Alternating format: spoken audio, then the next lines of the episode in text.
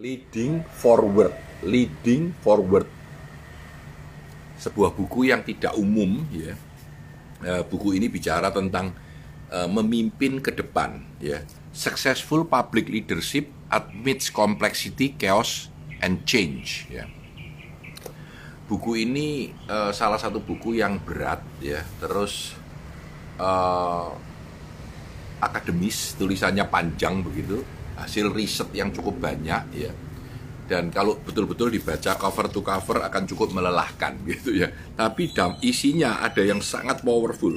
Ini kalau ada lihat ya ini saya belinya saya selalu coret-coret seperti itu. Di Kinokuniya Singapura 25 Maret 2018 jadi dua tahun yang lalu. Saya tulisi searching for Fuka materials for seminars good book with good frame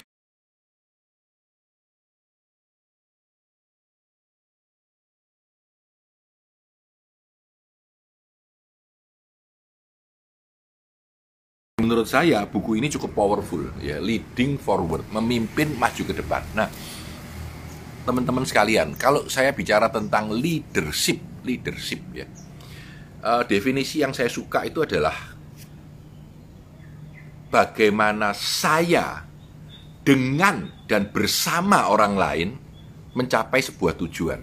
Dengan dan bersama orang lain. Berarti saya juga terlibat anak buah saya juga terlibat. Nah inilah leadership. Jadi buku ini cerita tentang leadership dan yang paling saya suka adalah buku ini memberikan empat meta kompetensi dalam menghadapi FUKA.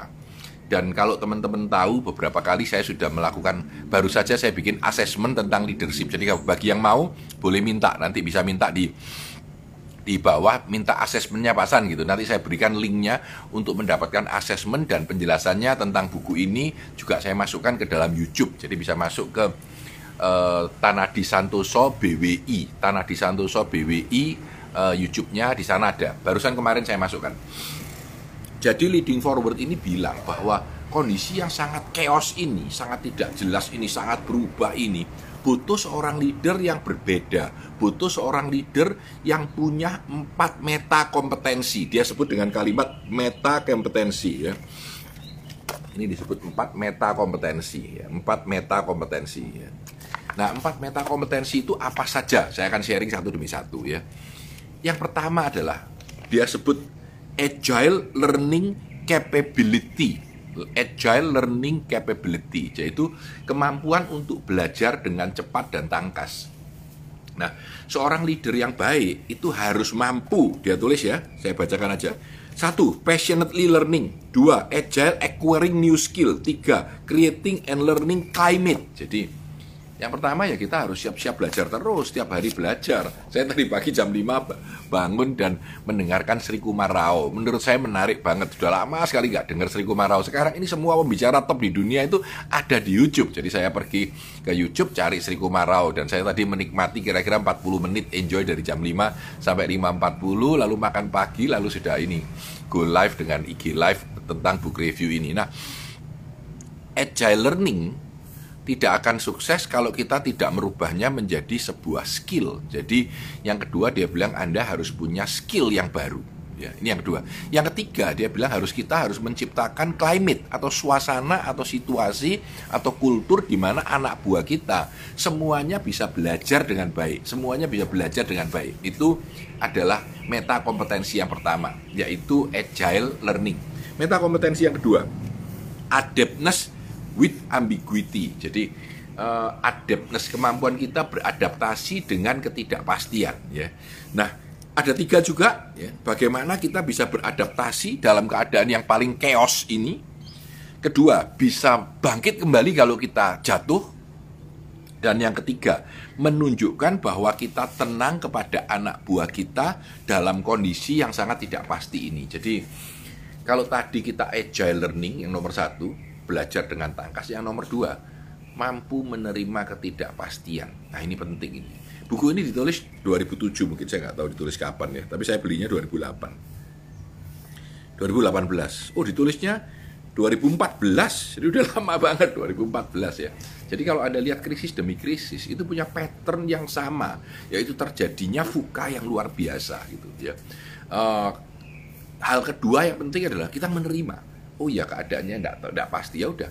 Kita nyoba. Oh ternyata uh, ada hambatan. Ya udah kita ganti dan menerima kesalahan kita, error kita dan memperbaikinya. Ini kompetensi kedua. Dan kompetensi ini menurut saya penting banget terutama di masa penuh ketidakpastian ini ya. Ini kompetensi kedua, meta kompetensi. Yang ketiga, aslinya adalah adroit at thinking strategically. Saya biasanya nulis cuma thinking strategically, mampu berpikir secara strategis ya. Di mana ada tiga hal juga. Yang pertama, mampu skillfully juggling competing demand and incomplete information. Mampu dengan cepat, dengan cepat ya, uh, juggling. Jadi ya, mele, me, me, memindah-mindahkan prioritas atau demand yang berubah. Jadi permintaan A, permintaan B, permintaan C. Kita mampu cepat pindah ya. Dan informasi yang tidak lengkap. Informasi yang tidak lengkap. Ini yang pertama.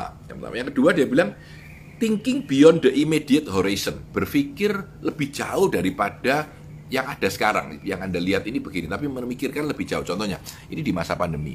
Teman-teman mikir, oh iya kalau gitu nggak boleh keluar rumah, kalau gitu kita harus di rumah, bagaimana melakukan safety protokol dan lain-lain. Oke, okay. tapi memikirkan apa yang terjadi satu tahun lagi, atau apa yang terjadi enam bulan lagi setelah masa pandemi ini, apa yang berubah di dalam masyarakat kita. Nah ini ini yang disebut thinking strategically tadi. Dan yang ketiga, inspiring a vision of the future. Kita harus mampu memberikan gambaran masa depan itu bagaimana kepada anak buah kita. Kita udah bicara tiga kompetensi ya. Jadi meta kompetensi yang pertama agile learning, meta kompetensi yang kedua adalah ready for ambiguity, siap dengan ketidakpastian, dan kompetensi yang ketiga adalah thinking strategically, thinking strategically. Nah, meta kompetensi yang keempat adalah ambitious drive to execute. Ini aslinya kalimatnya. Ambitious drive to execute. Eksekusi eksekusi itu aja. Jadi banyak ide, banyak segala macam tidak punya eksekusi kita akan pelan gitu, akan berusaha gitu ya. Nah, uh, saya kasih tiga poin dari eksekusi. Satu, practicing responsible risk taking. Practicing responsible risk taking, yaitu mengambil risiko yang bertanggung jawab dan melaksanakannya. Saya ulangi, mengambil risiko yang bertanggung jawab dan melaksanakannya. Ya, jadi ini penting ini. Yang kedua, influencing and empowering others, bagaimana mempengaruhi orang lain supaya mau bergerak. Mempengaruhi orang lain supaya mau bergerak. Ya, kalau dia mau bergerak, maka company kita akan bagus.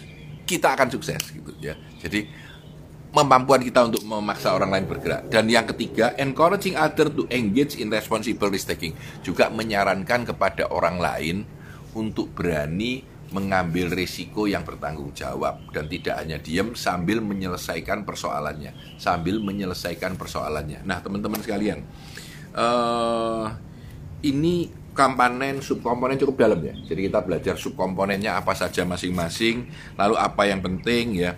Bahkan mereka juga memberikan bagaimana kita harus memahami keempat hal ini ya. Saya eh, kami dari tim kami dengan beberapa materi yang ada di sini ini ya kami mencoba untuk membuat PowerPoint dan assessment. Jadi kalau Anda mau assessmentnya ada nanti uh, komen di bawah link ini lalu akan saya berikan nanti assessmentnya mungkin di posting IG berikutnya ya. Saya sudah buat satu assessment secara digital di mana Anda bisa langsung tahu nilai Anda dan saya ada buat satu video YouTube tentang uh, Leading in Turbulent Times. Judulnya saya kasih rasanya Leading in Turbulent Times, lupa saya judulnya. Ya. Nah, teman-teman sekalian, kadang-kadang kita tahu bahwa terutama kalau Anda nanti mengambil asesmen ya. Oh ini saya bagus, saya bagus, saya bagus. Lalu akhirnya bilang, oh nilai saya 4,7. 4,7 itu apa gitu. Yang menarik buat saya bukan berapa nilai Anda dan seberapa bagus Anda. Karena saya bisa bilang 3 itu 5, saya bisa ngaku-ngakunya lebih ya dalam asesmen. Tapi yang saya pentingkan adalah Anda ketika melihat 12 pertanyaan itu dengan dalam memikirkan pertanyaan itu apa dan memilih nilai Anda, maka Anda bisa mengkompar sebenarnya dari empat meta kompetensi tadi, agile learning, uh, ready for ambiguity, ya, lalu thinking strategically dan execution. Di mana Anda lebih powerful dan di mana Anda lebih lemah. Itu yang penting menurut saya. Jadi misalkan saya merasa bahwa oh saya drive to execute-nya agak kurang nih nilainya. Misalkan ya. Atau saya merasa bahwa oh saya ini ternyata uh, agile learningnya kurang, saya enggak, saya cukup tinggi, tapi kurang. Jadi saya bisa memperbaiki sedikit mana yang penting di situ, ya. Atau kalau saya tidak bisa memperbaiki diri, seperti juga kalau saya bicara tentang Gallup Assessment, bicara tentang strength, bicara tentang DISC, bicara tentang top 5, maka saya bisa menggunakan kekuatan saya lebih kuat untuk melakukan itu atau saya bisa melakukan kerjasama atau teamwork dengan orang lain sehingga saya bisa merangkul orang lain untuk supaya menjadi kekuatan buat tim saya. Bisa dilakukan itu ya. Ini ini menurut saya. Jadi ada asesmennya ada YouTube-nya di BW, Tanah di Santoso BWI yang bisa anda nikmati ya. Pagi ini saya ditemani secangkir kopi. Ya, ditemani bunga barusan dikirim dari Pak Johan, Bu Ana dari Mentari Group ya ditemani bunga ya. Eh, dia kelihatan saya posting bunga-bunga saya dikirimin bunga ya. Terima kasih Pak Johan, Bu Ana dan tim di Mentari. Uh, seneng banget hari ini bisa sharing lagi tentang leadership ya. Jadi kalau mau lihat asesmen dari leadership dan penjelasan di YouTube-nya tunggu di posting saya. Nanti akan saya masukkan mungkin nanti sore lah ya nanti sore saya masukkan postingnya jadi udah saya kerjakan kemarin tapi menurut saya ini penting sekali buat anda-anda yang menjadi leader leading forward memimpin ke depan successful public leadership amidst complexity, chaos and change. Jadi di dalam keadaan kompleks, chaos dan change ya. Buku yang ditulis oleh tim A, Flanagan dan John S. Lee Barger. Jadi ini adalah orang-orang konsultan ya orang-orang konsultan manajemen konsultan ya yang yang menulis buku ini. Tapi menurut saya menarik. Uh, saya selalu melihat kalau Anda mengambil uh, eh, self assessment itu kalau nilainya 1 sampai 5 1 sampai 5 sangat punya tendensi untuk memperbaiki diri. Wah, aku gini gitu supaya kelihatannya bagus gitu.